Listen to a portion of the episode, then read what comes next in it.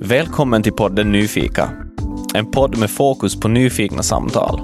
Vi tror på vikten av öppna samtal där man konfronteras med olika åsikter och synsätt. Därför söker vi upp människor som vi är nyfikna på att samtala med. Vi har ingen agenda utöver att möta de här olika människorna och se vart samtalen för oss. Vi släpper avsnitt varannan onsdag och veckorna då vi inte släpper avsnitt kan ni på onsdagar delta i Nyfika eftersnack via Zoom.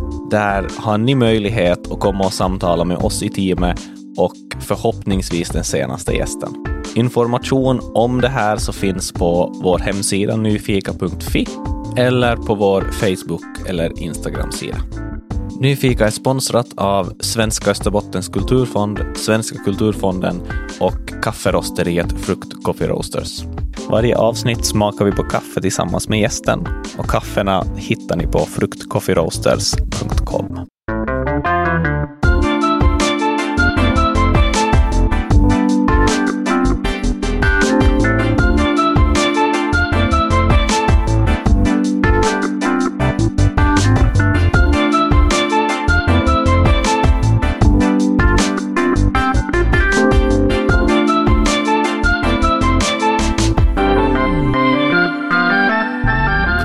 Idag träffar vi och pratar med Linda Ahlbäck. Välkommen till Nyfika. Tack. Hur, eh, hur vill du presentera dig själv? Ja, jag är Linda Ahlbäck. Ganska mitt i livet, som man klichéaktigt brukar säga, 49 år. Jag jobbar som, som utbildningsplanerare, har en liten familj, en man och son och hund. Och jag har varit kommunalpolitiskt aktiv de här senaste åtta åren, så jag har tillbringat min fritid på det sättet. Mm. Tar det upp mycket av din tid? I början naturligtvis, då man skulle sätta sig in i allting. Jag var jätte, jätteny och oerfaren. Mm. Och då, då tog det förstås tid.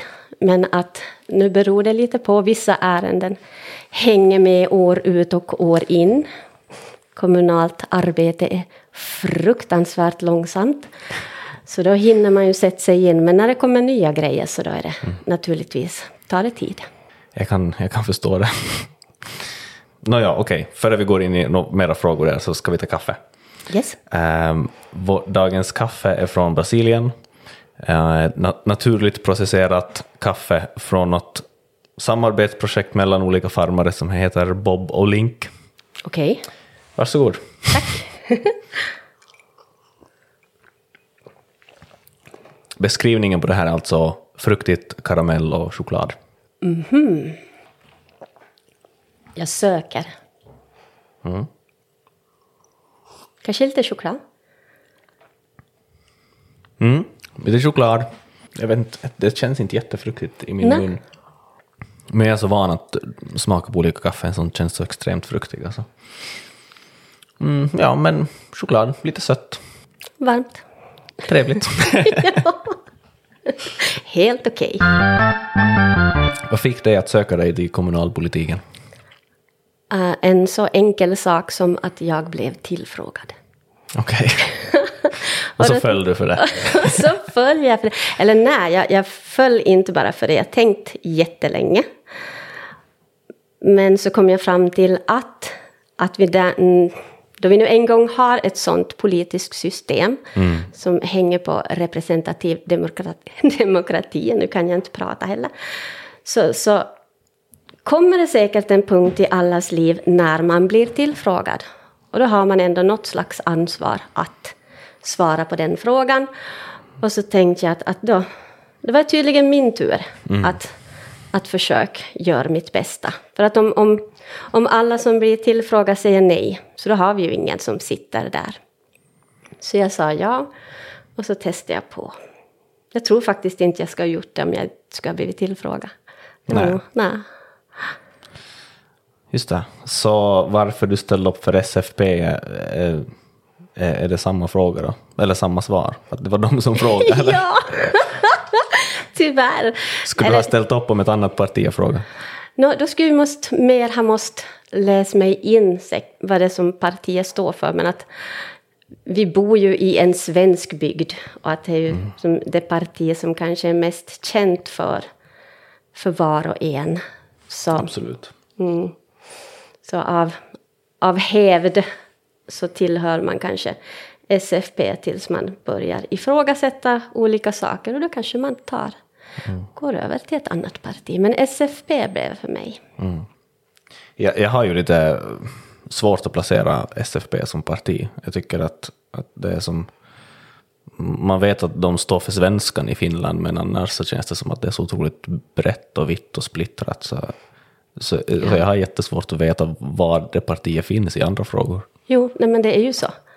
Det är jättebrett och, och vad heter det, favorituttrycket är att det ska vara högt i tak och långt mellan väggarna och, och på så vis. Och då, ja det kan vara en bra sak men, men, men det gör ju också att man blir som profillös. Att, att det får inte, du måste ju kunna säga var du står i vissa frågor. Det kan inte bara vara att det är högt i tak. För då... ja, så. Så jag, jag kan tänka mig att det är många som har på det viset svårt att se riktigt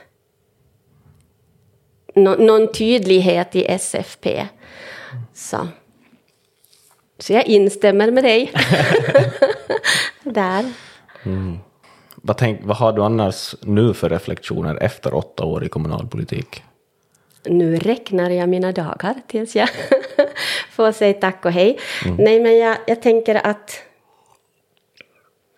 att det var jätteintressant faktiskt. Och, och inte skulle jag ha velat vara utan det. Men att jag känner att jag har gjort mitt. Att jag, det, det känns bra nu att, att sluta. Men, men jag var nog faktiskt på väg efter första perioden. Och när jag hade varit två, tre år så tänkte jag, men snälla vän, varför sitter jag här? Att nu, nu, nu, nu får det vara. Men, men då tänkte jag också direkt efter att där igen, skulle alla tänka så, så skulle vi inte få någon, någon sån här kontinuitet, ingen fortsättning. För att det tar faktiskt, det tar så fruktansvärt länge att komma in i systemet. Att, att, att få grepp om helheten. Så egentligen de där två, tre första åren var ju bara att, att försöka tänka sig in i allting. Och, och lära sig hur det, hur det fungerar och, och vad min roll var och, och hur jag ska använda mig av de människor som finns runt omkring. Så då, istället då för att sluta så tänkte jag, "Nej, men kommuninvånarna får bestämma om jag ska fortsätta eller inte. Så jag ställde upp en gång till. Och så kom jag ju in då, så det blev en, en andra period. Men jag var redo faktiskt. att sluta där långt tidigare. Men, Nej, men alltså, du har ju helt rätt. Man behöver ju säkert ha någon viss kontinuitet ja, jag tycker det. i det. Och det är ju en av de stora negativa grejerna med demokratin, just att beslutsfattarna kan bytas ut var fjärde eller vart sjätte år och så börjar man om från noll. Ja, yes. Ehm, Jag tänker likadant och så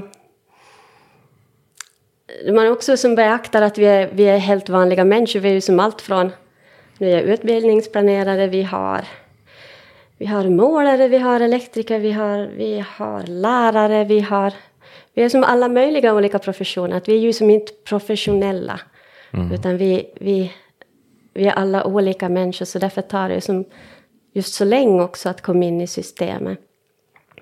Så därför tycker du det skulle vara bättre då med professionella politiker? Jag har tänkt mellan varven att, att det skulle vara jättebra. Men, men här har jag nog kommit ifrån också. Att nu, Ja. har, har det, nu har det sina poänger. Ja, för att jag tycker ju det här är mest problematiska med typ rikspolitiken, att det blir liksom folk som har som karriär att vara Jo. invalda. Och, och det känns som att det är som upplagt för att det ska vara korrupt. Tyvärr. I, I Finland är det ju inte vad vi vet korrupt. Men ja, det, det är som på rikspolitiken. Det är ett jobb. Och en karriär, ja. Men nu verkar det ju vara gränsfall alltid, om man kan kalla det korrupt eller inte. Men vi har ju generellt sett i Europa har vi ju lite korruption, Ja. men alltså jag kan som inte tro att, att någon som på riktigt vill vara karriärspolitiker inte på något sätt blir korrupt. Ja. Okej, Alltså ja. korrupt i att man lite, man behöver ju på något sätt, tror jag, tänker jag, kompromissa med, med vissa värden för att faktiskt ta sig upp till toppen och, ehm, och hållas där. Och, och, och Ehm, en av mina favoritböcker äh, Liftarens guide till galaxen. Ja. Apropå politik. så skriver Douglas Adams någonting om, om att problemet med demokrati är att just de som, eh, som vill ha makten är de som vi absolut inte ska ge makten åt. Ja. Mm. Um, så så i, i, i den settingen, eller i den storyn, så valde man istället att se till att man inte vet vem som egentligen har makten. Ah. Och presidenten är någon slags äh, sken äh, smokescreen för att man inte ska tänka på, att, på vem som egentligen har makten. Ja, ja. Jag har tänkt på i så fall skulle Donald Trump ha varit en perfekt president. ja, hui. men, men jag, tror att, jag, jag, tror att det är ganska liksom någon slags vishet för att jag har svårt att tro att Ja, jag vet inte. Det känns som ändå knepigt på något sätt med folk som absolut vill ha den där makten. Och, och det är ju de som blir karriärspolitiker och vem ska vi Mm. annars ha det? Ja. ja. Och där kan jag tänka att, att ja, det är knepigt. Och så kan jag, precis som du sa, att man måste kanske förhandla med vissa värden. Och, och inte bara inre värden utan också yttre värden för att, att det är ju i, i, den, i det fullmäktige där jag sitter så är vi ju 43 stycken. Att du kan ju gå dit och så säger du att ja, kommer att säga nej åt allt. Eller ja, jag kommer att säga ja åt allt. Men det funkar ju inte så. För du är en av 43. Du måste som... Du kommer till en punkt där du inte som bara kan säga nej längre eller bara säga ja. Utan du måste... Du, du måste försöka förhandla med dina kollegor och du måste försöka komma fram till en, en slags en gemensam överenskommelse. Du kör ju aldrig bara ditt eget race. Utan, ja, det är ing, ingenting är svartvitt i politiken. Utan det är nog hela tiden det är någon slags förhandling med, med både dig själv och de andra. Mm. Det är ingenting är svartvitt. det är bara, jag bara tänker på så här annars många olika politiska diskussioner just som så lätt går in på att då är det de goda eller de onda eller eh, det här partiet står för det som är rätt och det här partiet står för det som är fel. Och jag tycker att vi ofta i just politik pratar jättemycket om vad som är svartvitt. Ja. Och det är kanske också en av orsakerna till att jag kommit fram till att jag inte passar där. Skulle du vilja ha det mera svartvitt? Nej, jag skulle inte vilja ha det mera svartvitt. Jag vill, jag vill försöka se... Jag vill försöka lyssna in alla sidor och försöka förstå för att, att vi har ju våra olika motiv till varför vi gör som vi gör, varför vi vill olika saker. Men då vill man ju i politiken faktiskt få det till att nej men nu måste du säga ja, nu måste du säga nej. Att du kan inte säga, du kan inte säga någonting mittemellan. Och, och då står jag kvar där än och försöker fundera, nej men varför, varför ska vi göra så här? Varför ska vi inte göra så här? Så jag är Nej, jag, jag skulle inte vilja att det skulle vara svartvitt. Jag skulle vilja att man skulle lyssna mer. För, för sådana långsamma människor som jag så funkar inte. Jag måste få höra ordentligt innan jag... Jag måste veta vad jag, vad jag fattar beslut om innan jag säger ja eller nej. Ja, men då låter det som att du borde vara politiker. Nej, det, det tycks inte vara så. Jag, jag fattar. Jag, Men, men det är alltså inte så du har upplevt att det har funkat? nej, jag har inte upplevt att det har funkat så. Varifrån kommer då på, påtryckningar? Det liksom partiets eh, linje som man behöver rätta sig efter? Eller vad är det för påtryckningar som Nej, kommer som och vi- säger att du behöver Ja. säga ja eller nej och säga vad du står? Det är nog säkert eh, andra förtroendevalda, som hela, hela politiska systemet. Som vi redan konstaterar så är partilinjen ganska hög och, hög och bred. Så att ja, den kommer mot ibland, men att, att nog är det, det är nog kanske främst det här de människor som sitter, man sitter tillsammans med och ska besluta med. Och så är det också kommuninvånare förstås. De som säger att de har röstat in en och, och de gärna vill att man gör som de vill. Ja. Ehm, du satt ju då alltså invald under alla diskussioner om eh, kommunsammanslagning mellan Korsholm och Vasa. Va? Ehm, det var ju ett otroligt eh, känsligt ämne som väckt mycket känslor här. Eh, Hur, hur har du upplevt att sitta på den grejen annars då? Alltså när du såg det inifrån? Nej, så, alltså det var ju jättejobbigt för alla, alla berörda parter. Men, men där tror jag också, fast hur jobbigt det var, så tänker jag att, att det behövde göras.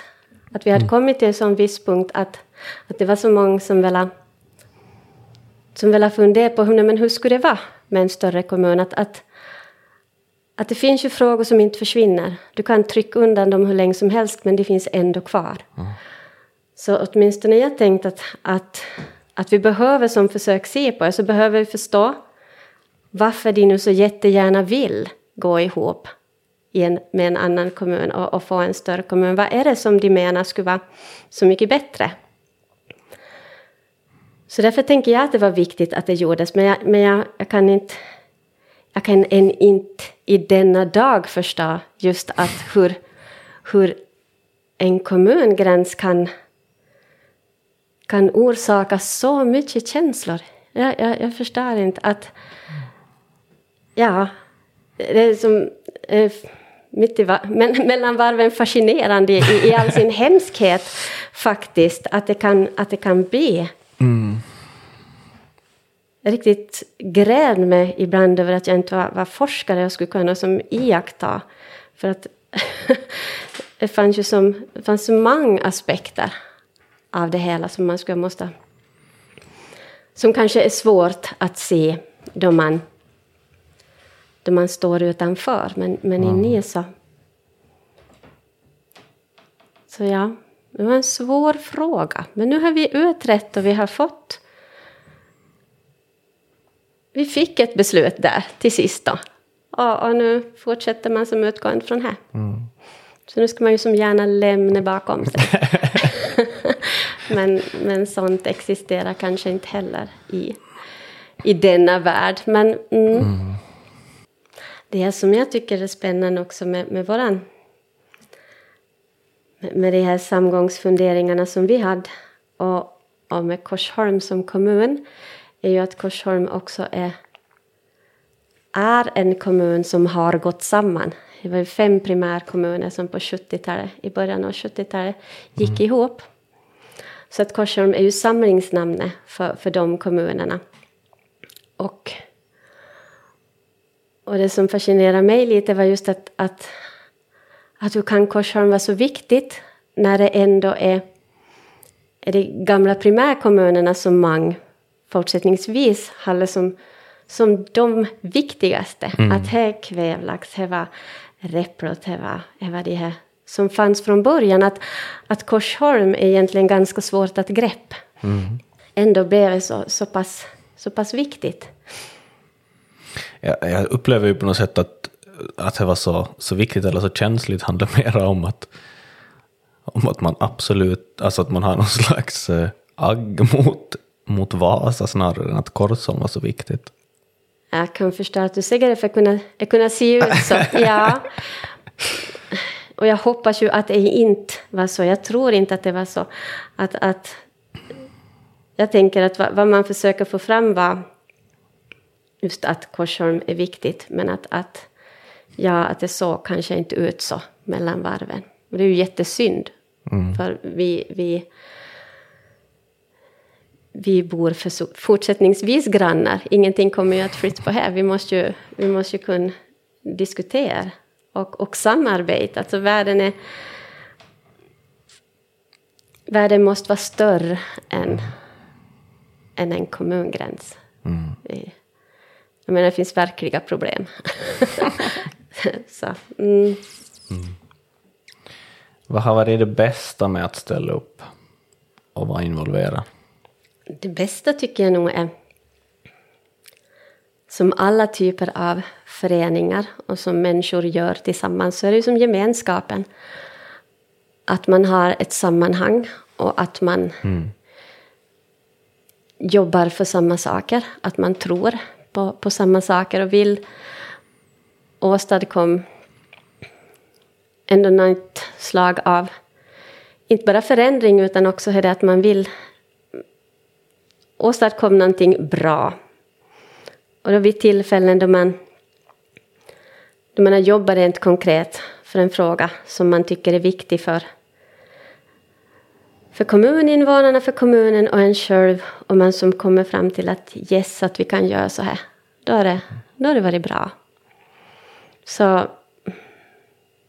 där ja. De här, de här gångerna då man ändå har varit överens och man har varit nöjd med, med besluten som har blivit tagit, så då, då har det varit bra. Mm.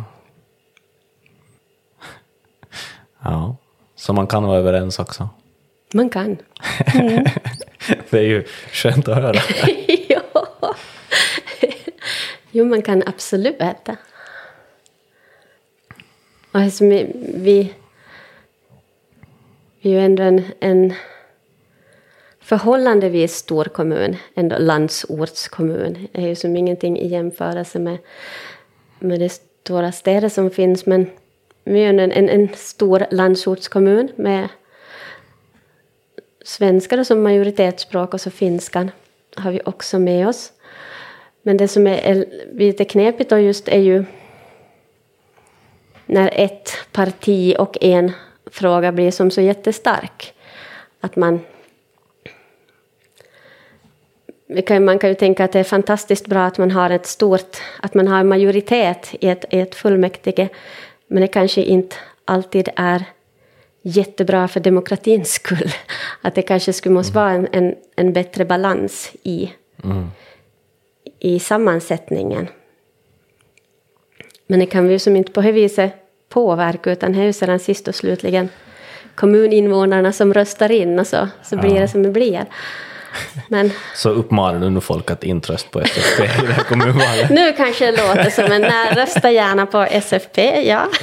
Men att det är en synd, mm. det kan jag säga nej, men, att, att det blir. Nej, men jag förstår absolut vad du tänk, säger, och, för jag har tänkt likadant. Uh, på sistone har jag suttit och funderat ganska mycket på uh, att egentligen, jag har ju mina politiska värderingar och politiska åsikter och uh, men egentligen skulle jag inte vilja se ett helt land som styrs eh, liksom, enligt de principerna. Eller att det skulle vara det absolut liksom, ett största parti som, som representerar just mina politiska åsikter. Mm. För att jag tycker att det som, som egentligen är intressant och gör att politiken är så otroligt, eller demokratin är så eh, viktig, är är just att, att man tvingas nötas mm. och, och, tvingas kompromissa lite och mm. tvingas liksom, det finns alltid någon som ser problemen från ett annat håll ja. och kan lyfta upp en annan liksom aspekt. Uh, så mitt drömscenario är ju ändå att, att det finns alltså, alla sidor representerade och alla sidor måste nötas på något sätt. Mm. Men det gör ju också att det går långsamt. Det gör att det går långsamt, ja. Uh. Ja, du nämnde om det flera gånger här då vi började ju så att det är långsamt. Mm. Och det är ju, eh, kan vara en, en, en väldig frustration mm. faktiskt att ärende kommer upp på nytt och på nytt. Men det är ju också en garanti för att, att systemet funkar. Mm. Att, att det går genom så pass många människor och instanser och så vidare. Att det som tanken är ju att det faktiskt ska bli bra. Men ibland kan det ju också gå så att, att vissa beslut är utdaterade innan man kommer så långt. Och då är det ju förstås synd om världen hinner, hinner ändras medan man är på väg. jo, nej men alltså så är det. Och ofta så kommer ju just politiska eh, beslut i kapp, typ teknisk utveckling, väldigt, väldigt länge efteråt. Ja. Eh, men generellt sett så, alltså det som, jag, som gör att jag ofta kallar mig konservativ är just för att jag tycker om att det går långsamt. Ja, ja. Jag tycker mm. om att politiken går långsamt och att ja, men samhället får lov att utvecklas långsamt eh, så att alla bitar hänger med. Och att mm. inte man med, mm. med tvång typ eh, försöker, försöker förändra en bit och ja. väldigt snabbt. För att det, det verkar inte alltid funka så bra. Nej, det gör inte. Eh, så just den där biten av att det går långsamt så tycker jag ju om på samma gång som jag blir väldigt frustrerad på till exempel när man märker olika lagformuleringar som inte alls är uppdaterade enligt, hur världen ser ut idag, eller speciellt med internet som ju har, gjort att Ja. världen har ändrats så jättesnabbt. Men jag vet inte om jag hade någon slutpoäng där. ja, men det finns, en, det, det finns någon slags trygghet i att det går långsamt. Jo, det är ju det som är tanken. Att man inte... Jag kommer mellan varven så kommer det människor som vill styra kommunen som ett företag. Och det är ju inte tanken. Att, att kommunen är inget företag. Kommunens främsta uppgift är ju att se till sina invånare och ge basservice. Vi- Vi har bildning, vi har vård, vi har, vi har sånt. Att det som kommunen ska göra. Vi ska inte...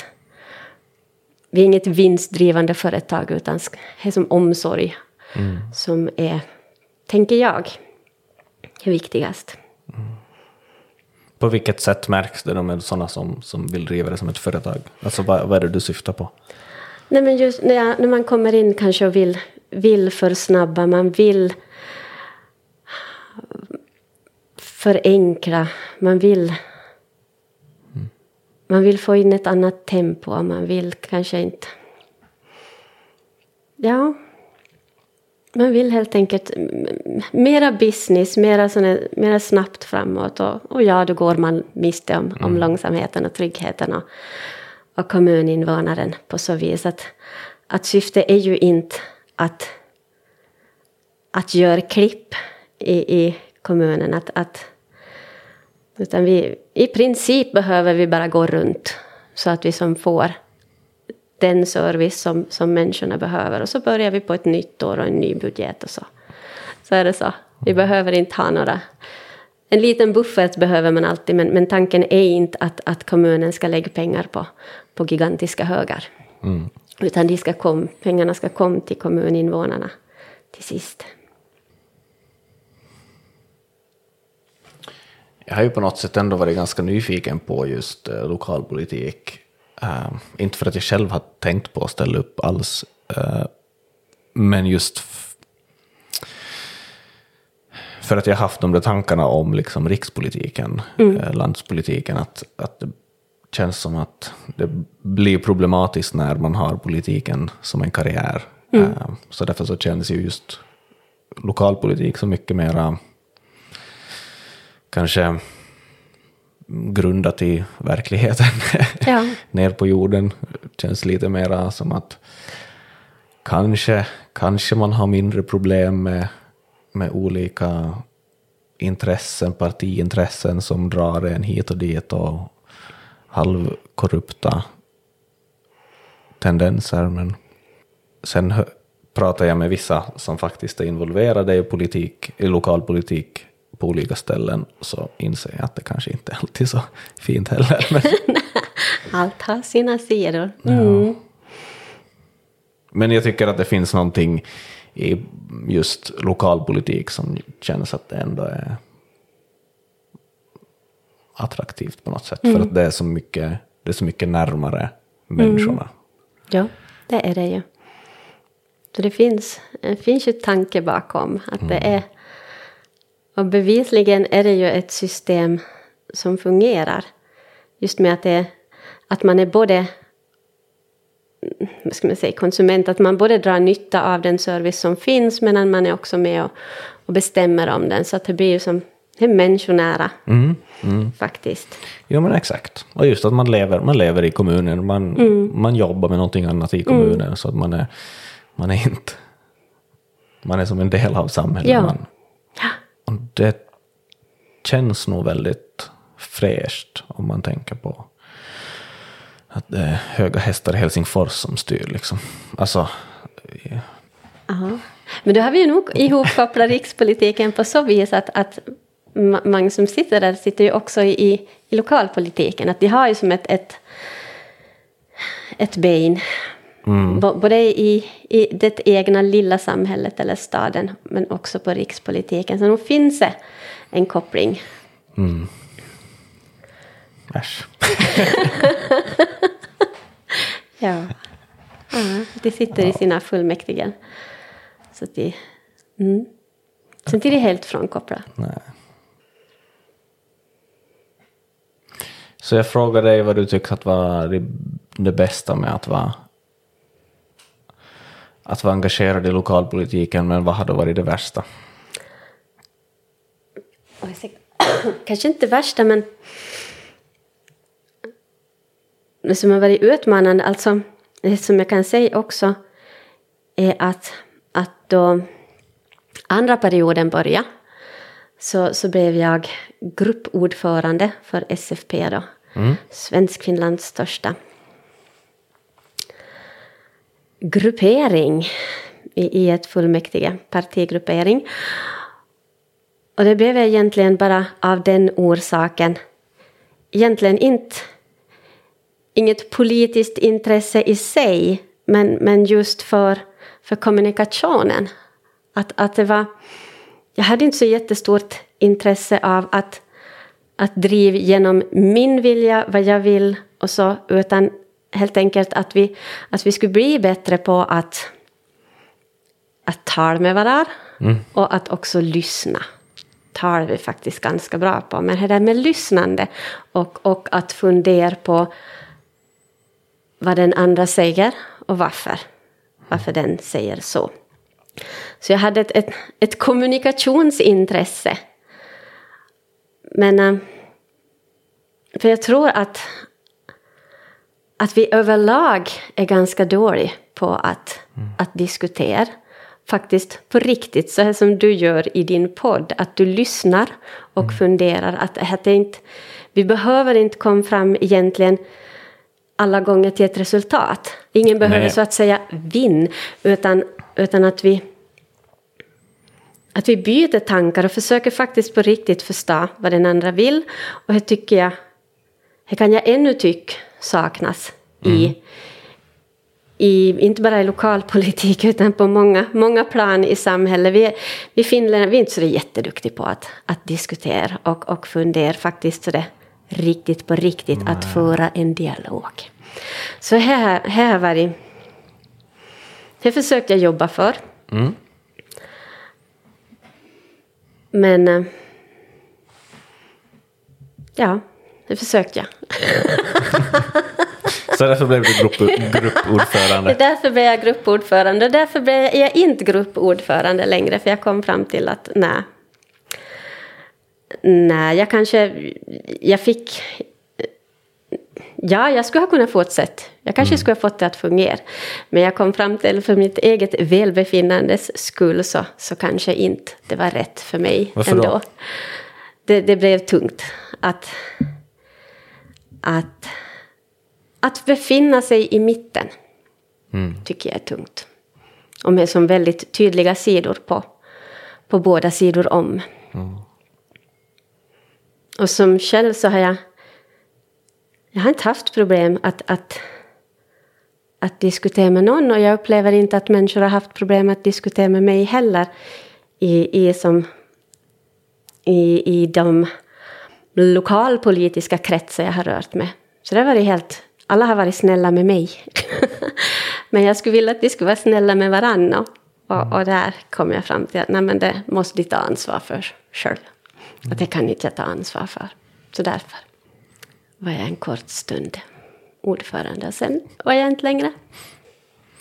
Ja, men alltså just den där förmågan att kunna prata med varandra och lyssna på varandra utan att egentligen tänka att vi behöver göra det just för att komma fram till någonting mm. i slutändan. Utan bara göra det för att se till att man förstår varandra. Mm. Som, som en första liksom, som första utgångspunkt. Och ja. ser man varifrån ja. man går där. Känns, där har vi nog någonting som vi verkligen saknar i, i våra skills. Ja. Jag mm. tänker ibland att att vi skulle måste återinföra retorik på i schemat redan ja, från lågstadiet. Ja, att, att du som lär dig för ett samtal, lär dig att, att debattera. Mm. Och, och på det viset, det tycker jag vi skulle kunna, det skulle vi kunna införa. Mm. Ja, det, det saknar jag verkligen då jag gick i skolan. För jag tyck, har tyck, alltid tyckt att det var intressant. Typ mm. så här äh, argument och mm. kolla på olika debatter och, och sånt. Um, men jag var, jag var väldigt besviken för att det kom aldrig upp någonstans egentligen. Nej, nej. Och just det också att skulle, skulle människor lära sig att själv kanske och få öva sig att själv formulera sina åsikter och tankar och, och kunna uttrycka sig bekvämt så har man kanske lättare att höra på andra också. För att Ja. ofta upplever jag att folk inte vill riktigt gå in i ett samtal därför att man själv inte är riktigt bekväm i att Nej. uttrycka sina egna tankar. Nej, och då blir det, där just att men jag har rätt i min åsikt. Ja, du har rätt i din åsikt, men, men motivera den och försök, försök berätta för mig varför du har just den här åsikten. Så, så det, det skulle vi verkligen behöva. Vad blir liksom konsekvenserna, vad blir symptomen på att man är dålig på att lyssna på varandra och förstå varandra? Det blir ju de, just de här missförstånden. Och så blir det, när man inte är intresserad, kan, dels att man kanske inte är intresserad av att ta reda på hur den andra tänker och dels kanske för att man själv inte har förmågan, precis som du säger, att, att lägga rätt ord på. Så då blir det de här missförstånden och så blir det lätt någon slags polarisering. Att ja, men, där är de som tycker så, där är de som tycker så. Så, så är det så. och då är det, liksom, då är det svårt att mötas om, inte man kan, om man inte kan öppna upp. Varför jag just ställer mig i det hörnet och inte i det. Så, att, att man, vi skulle kunna undvika så jätte, jättemycket bara vi skulle få upp munnen och fram lite Ja. ord. Så, se, så ser polariseringen likadan ut i lokalpolitiken i att det är två grupper som står och kastar skit på varandra. Det kan se ut så ja. Men, men, inte, men ja. Inte rent bokstavligt. Nej, men det kan ju bli så. Och det har vi ju sett att det blev. Bevisligen, de här sista åren. Vi kanske, vi, inte bara vi kanske, vi skulle ha, vi skulle ha behövt vara bättre på att att uttrycka oss. Men som vi redan sa någon gång, att det är jättemycket känslor med och då blir det svårt. Det är så- mycket som, som talar mot, vad heter det, någon sån slags ömsesidig förståelse. För vi, må, vi måste inte tycka samma, det måste vi absolut inte, men, men att vi behöver, vi behöver förstå. Inte vet jag om jag alltid är mycket bättre själv heller. Nu, nu minns jag att jag var otroligt frustrerad just i diskussioner om kommunsammanslagningar. Ja, Att jag kunde som inte ens riktigt höra på någon som tyckte att det skulle kunna vara bra på något sätt. ja, ja. Alltså, he, ja, så det är inte, inte är nog alltid så bra heller. Nej men så, vi är ju människor allihopa. Men där just som du sa, det var, det var kanske svårt att höra vad de som, de som skulle ha velat göra. Och jag kan tänka att, att varken de som var riktigt för en samgång eller de som var riktigt mot att att de kanske inte visste så det helt och fullt vad de sa ja till eller vad, de var inställd på. Så därför tror jag också just den här att de utredningarna och diskussionerna var viktiga och de skulle kunna göras på ett mer eftertänksamt sätt säkert och under längre tid och inte så laddat så kanske man skulle ha kunnat göra mera så det sansat. Men att Mm. Att man kanske skulle kunna öppna, öppna eller man skulle ha behövt, så vi ju, öppna upp ännu mer. Att människor som, som var övertygade om att det skulle vara en bra grej skulle faktiskt ha kunnat, kom, kunna presentera varför. Varför det är så bra. Och tvärtom, nej men varför vill inte? Och så skulle man ha kunnat motivera det. Alla sidor vinner ju på att det blir utrett ordentligt.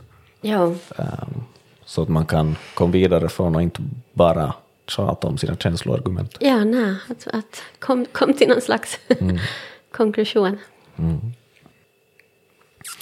Okej, men, men då, det här var en jättekänslig fråga.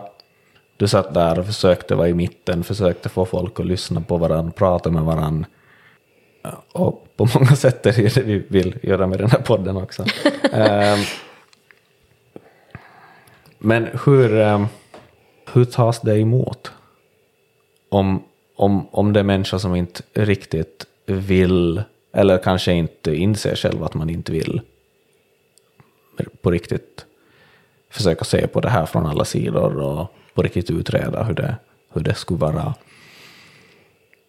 Hur tas det emot bland folk om man försöker se det öppet från olika håll i en känslig fråga? På vilket vis menar du? um, ja, men vad blev reaktionerna på dig? Eller fick du reaktioner? Jo, alltså redan det där att man sa ja till att utreda. Mm. Så tog ju människor för att man var att man är för en kommunsamgång. Att då hade man ju mm. redan, då var loppet kört så att säga. att då, då hade du redan gått över till andra sidan. Så att så man blir direkt insatt i en, i en låda då förstås? Ja, då är man direkt insatt mm. i en låda. Och det där är ju också som så bara typiskt. Uh, jag vet ju det själv, det blir ju så med saker som är nära en eller känns viktiga för en. Så fort man hör någon som, som säger någonting som lite går emot eller som jag inte riktigt håller med om och så, så bara rent så här instinktivt så tänker man att aha, då är du en sån. Mm. Då är du liksom den som är motsatsen till mig. Yes. uh, och alltså, det känns som att det är ett otroligt mänskligt fenomen, speciellt när det är saker som blir känsliga mm. eller som känns viktiga för en själv eller som man är engagerad i på något sätt. Mm. Så på samma gång, okej, okay, så här, då känns det som ett väldigt mänskligt fenomen. Som att det här är ja. liksom inte på grund av att det är någon enskild människa som har bristande karaktär, utan det är så här, det, det är någonting i vår mänskliga natur som fungerar mm. på det sättet. Men på samma gång så känner man ju då, okej, okay, men hur kommer vi vidare då? Ja. Då blir det ju som omöjligt att komma vidare från det. Jo, jo, det är ju det. För det är redan kört. ja. Okej, okay, så det här var sista avsnittet av den här podden. Nu lägger vi ner. Det var färdigt. Mm. Tack. ja. Nej, men om man tänker nu på, på just den här specifika uh, samgångsutredningen så hade jag åtminstone en punkt som jag ville se på. För mm. vid den tidpunkten så hade jag tror inte så det egentligen på några ekonomiska fördelar och så egentligen. Men jag skulle vilja se på, i och med att jag är intresserad av kommunikation och, och språk, så skulle jag ha velat se på just den här möjligheten att, att vi som är väldigt, väldigt finlandssvenskar, mm. vi, vi, vi har ju jättebra, men vi är kanske begränsade uh, i, i resten av landet. Är du finlandssvensk riktigt så det är riktigt på riktigt så är, är det kanske inte eller åtminstone jag kan känna att jag som aldrig är riktigt hem någonstans. Att du, du kanske mm. inte fullt ut finne. Mm. För att jag kan inte, jag, jag behärskar inte, jag, jag talar hellre än bra, jag klarar mig. Men jag, jag kan inte finska är inte mitt modersmål, utan svenska är mitt modersmål.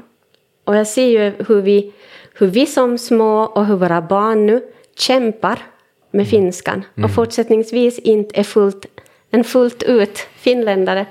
Och då tänkte jag att, att jag skulle gärna vilja se på hur man som kan, kan åstadkomma ett större sammanhang där, där som men, så rent språkigt, att vi skulle för vi kan inte skydda oss till döds, det funkar inte så. Vi kan inte låsa in oss finlandssvenskar och tänka att här överlever vi nu då de här resten av åren. Att, att vi kan inte skydda oss till döds. Utan vi skulle måste, från att vara främst enspråkiga så skulle vi måste vara flerspråkiga och så skulle vi måste alla så småningom kom till insikten att språk egentligen inte spelar roll. Mm. För att, att, att poängen är ju att alla vill förstå och vill man förstå så kan man oftast göra det oavsett vilket språk du tar. Så just den språkliga biten så är jag intresserad av att, att se hur man ska kunna... En, en större stad kanske skulle som... öppna upp mera för, för flerspråkigheten. Att, att inte bara att finlandssvenska skulle närma sig det finska men också tvärtom. Vi måste ju, som, vi måste ju, vi måste ju mötas någonstans som, och känner jag inte att, att vi gör nu. Att det är som alltid så stort fokus på att vi ska bevara det finlandssvenska. Och, och, och finskan ska vara där på, sin, på sitt ställe. Men vi skulle måste som kom så långt att, att, att vi som skippar egentligen språktänket. Att, att, mm. att vi satsar på att, att förstå mm. istället. Jag tror jag nog skulle ha hjälpt mig med finskan. Mm. Um, för att dels så där i skolan så, så ville jag ju, hade ju otroligt dålig attityd gentemot finskan. Men mm. det var ju också för att man som barn inte fattar att man på riktigt kommer att behöva. För Nej. att hela min värld var svensk. Mm. Men också just att på något sätt kom in i den grejen som du pratade om. Att, att språk inte är hela världen. Nej, jag För att jag är, nog, jag är jätte sådär medveten om min finska så fort jag försöker prata. Och, mm. och eh, känner att det finns som ett... Äh, det känns mm, väldigt mycket som ett hinder. Ja för mig snarare än att ja, okej, okay, men jag kan någonting på finska, jag kan uttrycka det här och så ser man liksom det som en möjlighet att på något sätt komma... Mm. Jag, jag vet inte, språket vad gäller just finskan är mycket mer ett hinder än att det finns någon slags möjlighet att ja. träffas och mötas. Och, uh. Det är så jättesynd. Mm. Jag menar att leva ett helt liv på ett ställe där man som känner sig begränsad. Mm. Så är ju inte, är inte fruktbart. Tänker jag. Jag kan tycka att det är jätte, jättesynd för oss alla. För mm. svenskspråkiga, för finskspråkiga. Tänk vad vi skulle kunna åstadkomma. Om vi bara skulle glömma egentligen språket. Och, och, mm. och bara bara sats på att förstå varandra och, och jobb. Försöka åstadkomma saker tillsammans. Jag kan fortsättningsvis inte förstå varför vi inte har Alltså varför vi har den här strikta uppdelningen. Finns språkbadsdagisar och finns språkbadsskolor och sånt. Men att, att varför måste vi ha ett begrepp på det också? Ja, det är just den där tanken om att bevara det finlandssvenska är ju nog jätte... Jag vet inte, det blir som tudelat ändå för mig. Mm. För att nog var det en sak som gjorde att jag reagerade så starkt mot idéer om att gå samman med Vasa mm. just för att ja men vad ska då hända med det svenska? Ja. Vi blir ju som i minoritet då också här. Mm. Uh, men det var tvärtom. Det var enda saken egentligen som gör att jag ville, ville utreda. För jag tänkte ja. att, ja. Nej men alltså, mm. egentligen det finns ju mycket i, i, i dina tankar och din approach där som känns väldigt sunt. Mm. Snarare än en känslomässig reaktion på att vi måste se till att det bevaras så som det alltid har varit. Mm. För jag är, som, ja, jag är som jättestolt. Jag skulle inte vilja vara något annat än finlandssvensk. Jag, jag är mm. jättestolt över vem jag är. Men, men jag, jag gör mig ledsen att det är så svårt att vara den jag är i detta landet. Mm. Och jag tänker, vi skulle ha så mycket mer att ge till det finska och det finska skulle ha mycket mer mm. att få av oss. Bara vi mm. skulle bara vi skulle... Bara vi skulle lite försöka fokusera mindre på vad som skiljer och istället fokusera på vad vi har gemensamt, detta landet. Mm. ja. ja. men jag upplever jättemånga gånger också att men inte man på riktigt en del av det här landet på något sätt. Nej. Alltså landet som, som stort. För att jag kan till exempel inte ta del av um, alltså nyheter på finska på samma sätt. Nej. kan jag ju som typ hänga med om jag ser på en nyhetssändning men, men inte förstår jag ju ta till mig liksom konsumera det lika snabbt och bekvämt som på svenska eller engelska. Bara det gör ju att ja. mm, mm. På samma gång som vi ju typ har gjort det oss själva, vi isolerar oss. Mm, ja. Så är det ju. Men förutom kommunsammanslagningar, vad kan vi göra för att närma oss varandra? Ja, jag vet inte, det är som attityd, attitydförändringar från, från, från, som sagt, från båda hållen.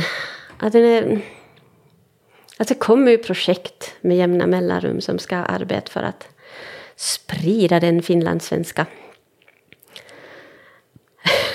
människotypen i finska Finland.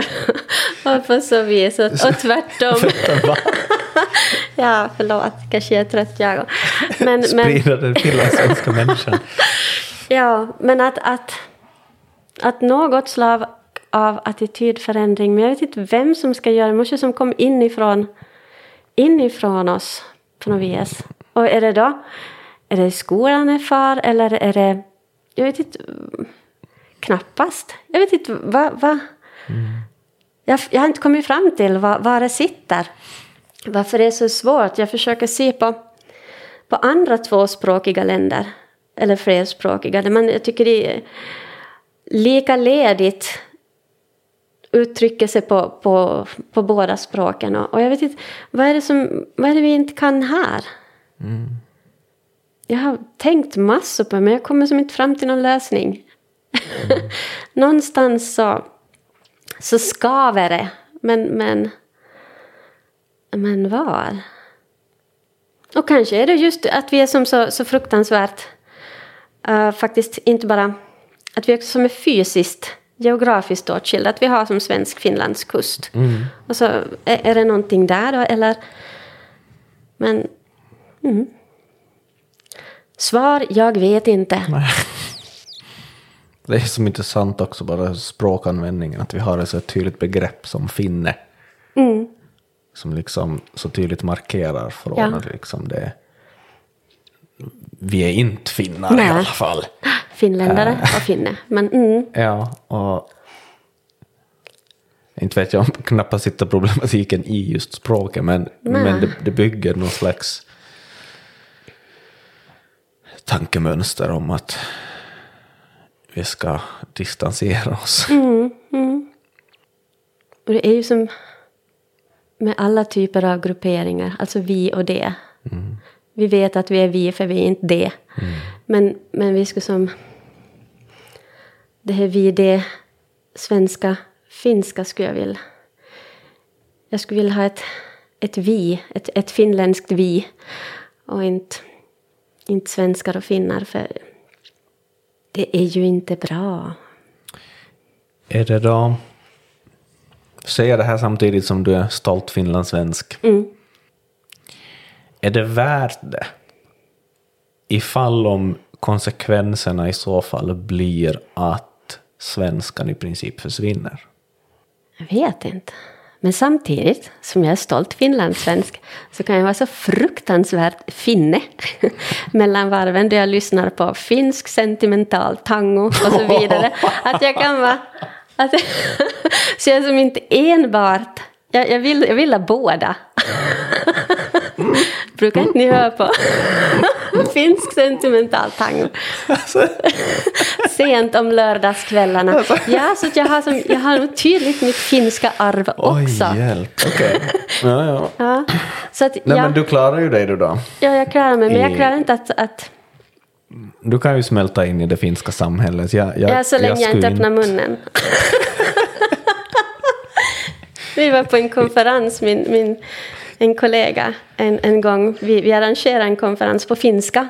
Han kötte pratet, jag kötte administrationen. Och så i slutet kastade han in mig bara och sa att, att Linda kan presentera nästa konferens på finska. och jag, jag presenterade. och så sen såg han på mig och så sa men Linda, nu pratar du dålig finska. så säger jag, jag vet. Helst skulle jag vilja förbereda mig lite. Mm. Men ja, Jo, nej men jag klarar nog mig. Men jag skulle vilja att man skulle... Att man inte skulle måste tänka på att klara sig. Att man bara skulle göra. Mm. Att det skulle vara naturligt. Mm.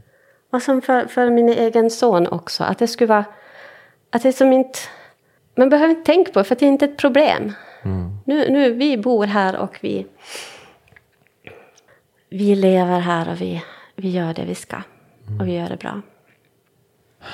Men alltså, det är ju som så märkligt på samma gång som, som just det där finns, att man ser det så mycket som ett problem och som ett hinder. Och, men alltså allt, nästan alla finskspråkiga som jag någonsin har talat med så har ju varit jätteförstående för att man inte talar perfekt. Yes, Konstant. så är det. Medan det finns ju mycket mer attityder bland svenskspråkiga. Om liksom påpekar eller lite hånflinar om någon inte talar Ja. perfekt. Och, jag vet inte, det är väl kanske en sak som gör att vi också är så mer... Att vi är så medvetna om hur vi talar finska. För att vi är så, så hånfulla mot om de inte talar svenska mm. perfekta. Och jag märker ju jättestor skillnad, så om jag tänker typ på, på det jag gick i skola med, eller mina barndomskompisar, att de som hade, hade en attityd av att ja, men den finska de har lärt sig, den använder man och så försöker man kommunicera med folk Mm. och, så, och så gör man det så gott man kan och så um, nog klarar man det på något sätt. Ja. Eh, Att man såg den finska man lärde sig från skolan som ett verktyg och så använder man det på Mm. något sätt. De, alltså den attityden har gjort att de klarar ju finskan hur bra som helst idag. Ja, ja.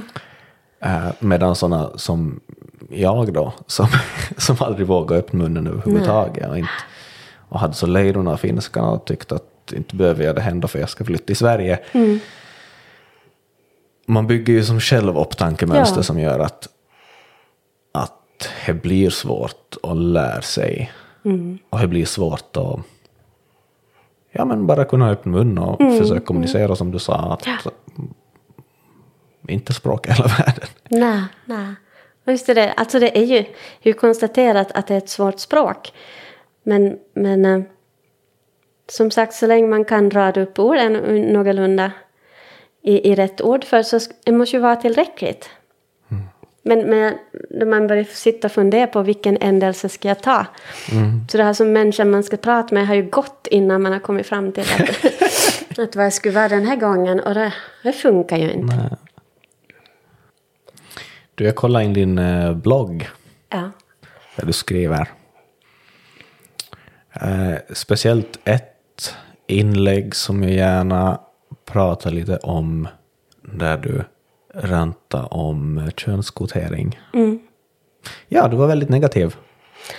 Ja, jag var det.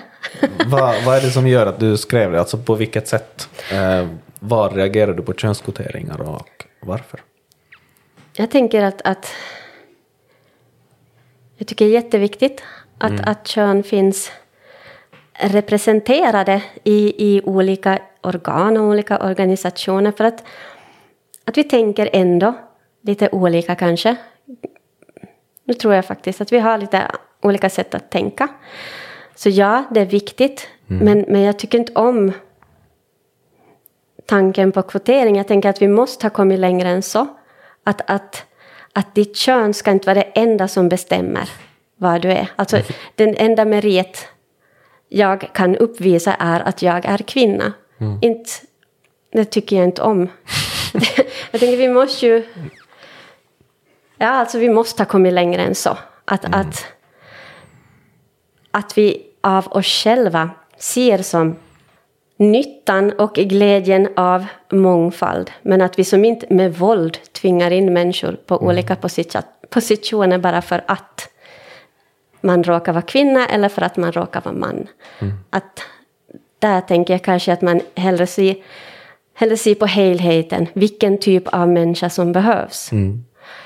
Så, så det var min tanke med vad jag skrev. Ja. Nej, alltså jag tycker också att det är ganska... Det känns på något vis nedlåtande Ja, mot... Alltså, alltså sådär att ja, du var kanske egentligen inte bäst för den här platsen eller det här jobbet, men eftersom att vi behöver fler kvinnor så Ja. anställer vi dig. Ja, inte, inte vill man ju här inte. Jag vill ju, vill, är jag någonstans vill jag vara för att, att jag uppskattas, för att jag är kunnig, för att jag är insatt i, i hur jag ska göra. Inte vill jag vara för att jag är kvinna. Usch. så, så på den, därför. Och jag kan tänka mig att det har funnits tider, eller jag vet ju att det har funnits tider när man behövt ha det här, när det faktiskt har varit jättesvårt för kvinnor att komma in på olika områden. Att, att, att det var någonting som man behövde ha den tiden. Men, men jag tänker att idag i, i Finland så, så, så förstår inte jag riktigt. Men vad är det då som är skillnad? Alltså var ser man i så fall gränsen till när det behövs och när det inte behövs?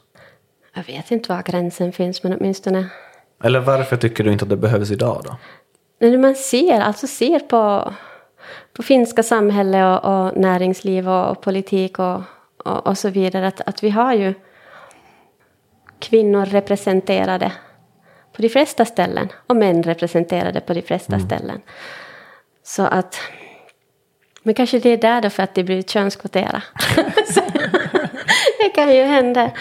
Ja, nej men jag tycker inte... Jag tycker inte kanske att det behövs idag mm. i Finland.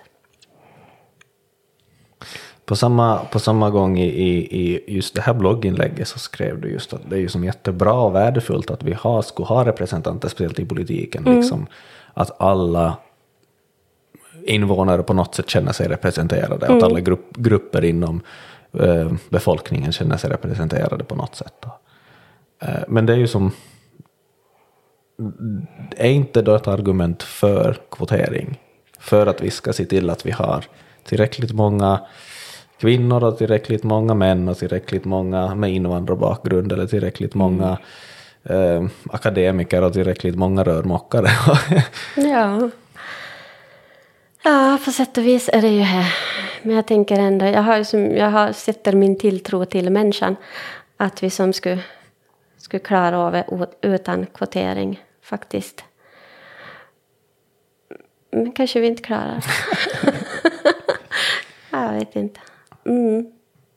Nej. Jag tycker vi måste som förr, nu då man, eller nu har man ju, nu är kandidaterna klara till nästa kommunalval, att det är ju upp till olika partier också att, att som var så pass öppna och, och att människor vill komma, att, att människor vill jobba för.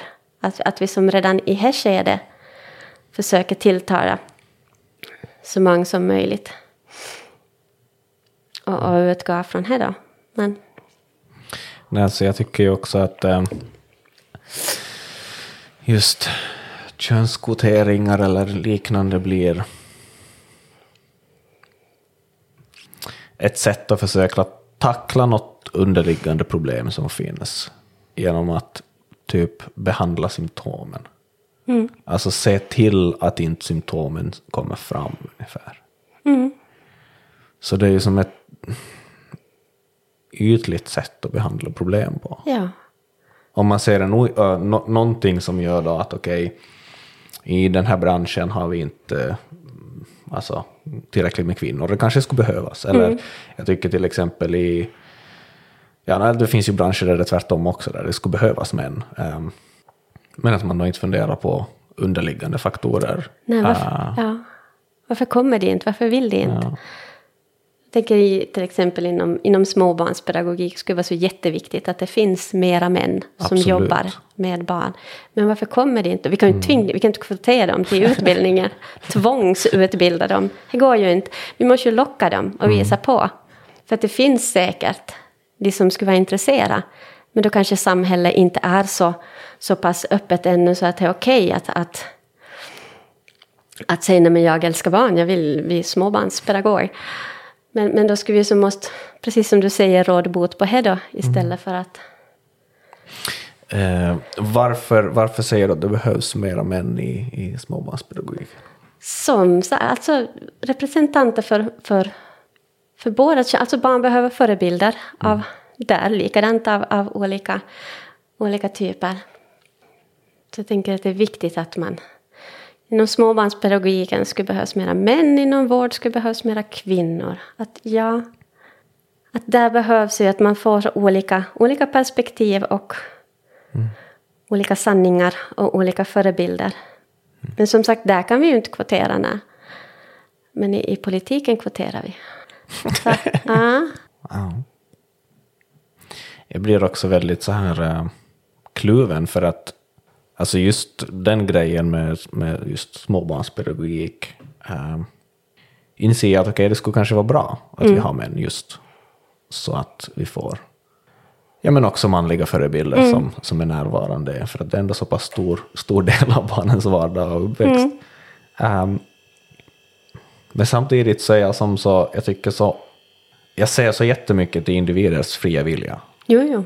Och att, ja det, det finns ju orsaker varför kvinnor ofta rör sig, alltså väljer, söker sig till, till vårdyrken och män kanske då till sånt som, jag vet inte, ingenjörer. Mm. Ja, Eller, ja. Alltså jag menar, vi, vi fungerar olika, så just Ja. friare vilja vi har, desto, alltså den där skillnaden kommer typ alltid att vara där. Mm. Samtidigt som, som jag tycker att ja, men det skulle vara bra att vi Ja, har ja, män ja. Jo, men som sagt, vi kan inte tvångsrekrytera. Nej. det skulle vara bra, men att, att vi måste... Men, men det blir ju bara så tydligt då hur, hur lätt man försöker göra det. Alltså att ja, men vi löser de här problemen om vi bara ser till att vi har en viss kvot på olika positioner. Men det blir som så ytligt. Är ytligt och tillrättalagt. Vi har som inte kunnat fixa det ordentligt, så då fixar vi så där istället. Mm. Jag läste, vi har Margot Wallström i Sverige som hade, just det, de försöker sudda ut kön och byter om till hen, till och med i Vårdguiden så, så undvik, undvek de att, att tala om kvinnor och män. Och då hade de skrivit med en snälla vän att, att att oundvikligen så, så har vi ju som faktiskt skilda organ. Vi biologiskt är vi kvinnor och män och, och vi tänker ju också, Exakt. ja, också mentalt är vi ju som olika kön. Att, att varför ska vi... Att hon, hon skrev ett upprört inlägg och jag kunde bara hålla med. Ja, nej, men det blir ju som jättemärkligt. Ehm, jag tycker att det är märkligt när det är samma läger som, som då är väldigt mycket för könskvotering i vissa fall. Och samtidigt inte vill erkänna att det finns skillnad på kön. Nej, det går inte riktigt ihop. Nej. Nej. Ja. Och jag tycker just vad gäller småbarnspedagogiken verkar det just den där grejen komma fram. För att där finns det, finns det vissa fall när, när det finns då alltså feminister som inte alls kan se att det skulle finnas behov av att ha mera män. För att då, då behöver man liksom ändå på något sätt erkänna att, ja, alltså att kvinnor och män skulle vara olika som, som förebilder. Ja, det är, det, vi är ju olika och jag tänker att varför... Alltså det är en glädje att, att vara olik. Att vi Ja, men har, varför skulle det vara en dålig sak? Ja, det är ju ingen dålig sak. att vi, vi kompletterar varandra och vi, vi, vi är bra på olika saker, vi har olika styrkor, vi tänker olika och vi, vi gör varandra Ja. bättre. Alltså, tänk vad tråkigt om vi alla skulle vara en rad med hens. alltså, ja. Det bli jättetråkigt ju. Hönor som kacklar. ja. Att, att vi skulle istället vara glada över att vi... Ja, exakt. Vad, vad hände med mång- mångfalden där? Ja, dit for den. ja. ja, som ja, den här Margot Wallström hade skrivit att helt oundvikligen så är det män som har prostata. Du kan inte beskriva att, att hen har prostatacancer för att det är enbart män som har. Men om man ska då inte använda män och kvinnor, att, va- vart, vart far det då? Det är en lustig värld vi lever i. Det, det var ju intressant då vi pratade med Patrik Östman i podden som ju då alltså böt kön från, Ja. från kvinna till man. Och, och då han berättade just hur bara hormonbehandlingar har påverkat honom. Alltså hur, hur annorlunda hans humör är, hur han liksom märker att, att det bara ändrar på hur han beter sig. Så det blir ju som så typ, alltså tydligt just bara att ja, men en sån enkel biologisk sak som de hormoner vi har påverkar oss. Så det är ju ganska absurt att inte tänka att det finns generella skillnader mellan män och kvinnor. Nej, nej. Det är det. Och jag förstår inte exakt var, varför man vill ha bort det. Alltså varför, varför är det ibland ansett som fel sak att, anse. Ja. Men där är det precis samma som att, att just det här med språket, men, men det här med människor, att först och främst är vi ju människor. Vi är också män och kvinnor. Att, men ändå ja. Jag, jag, precis som jag är glad att vara finlandssvensk, jag är glad att vara kvinna. Och jag, jag, jag, har som inget behov av att sudda ut det och jag är glad över att det finns män i världen också. att, att, att, äh, ja. Nej men i alla fall, jag, jag, jag, jag förstår inte heller det här behovet av Mm. att, att neutralisera eller vad man ska säga. Men eh, det har varit jätteroligt att prata med dig. Tack detsamma. Och jag har fått, eh, fått en del nya tankar att fundera på, så det är bra. Nej men vad bra. Får du ställa upp i lokalpolitiken om fyra år? Nej! Alltså mitt största problem med att ställa upp i, lokal, i någon slags politisk sammanhang är att jag inte skulle kunna liksom foga mig i ett parti. Nej, okej. Jag skulle inte kunna ställa upp och liksom tänka att ja, men nu är det här mitt parti och så gör jag saker för att dra in röster till det partiet eller whatever. Det känns som att nej. Nej. Så att om jag någon gång gör det så blir det som nå, obunden men då har man ju inte heller någon chans att bli invald. Så att jag, Nej. Jag, nog, jag, jag släpper nog. Du finner dig i ditt öde. Ja, nej, jag har verkligen inte något behov. Nej, nej men då. Då är det bra alltså. Bara för att jag sa det kommer jag säkert ställa upp någon gång. ja. Yes, tack för att du var med. ja, tack Kjell. Tack för att ni har lyssnat. Jag heter Jakob Hjortman och jag hoppas att ni följer med i nästa samtal.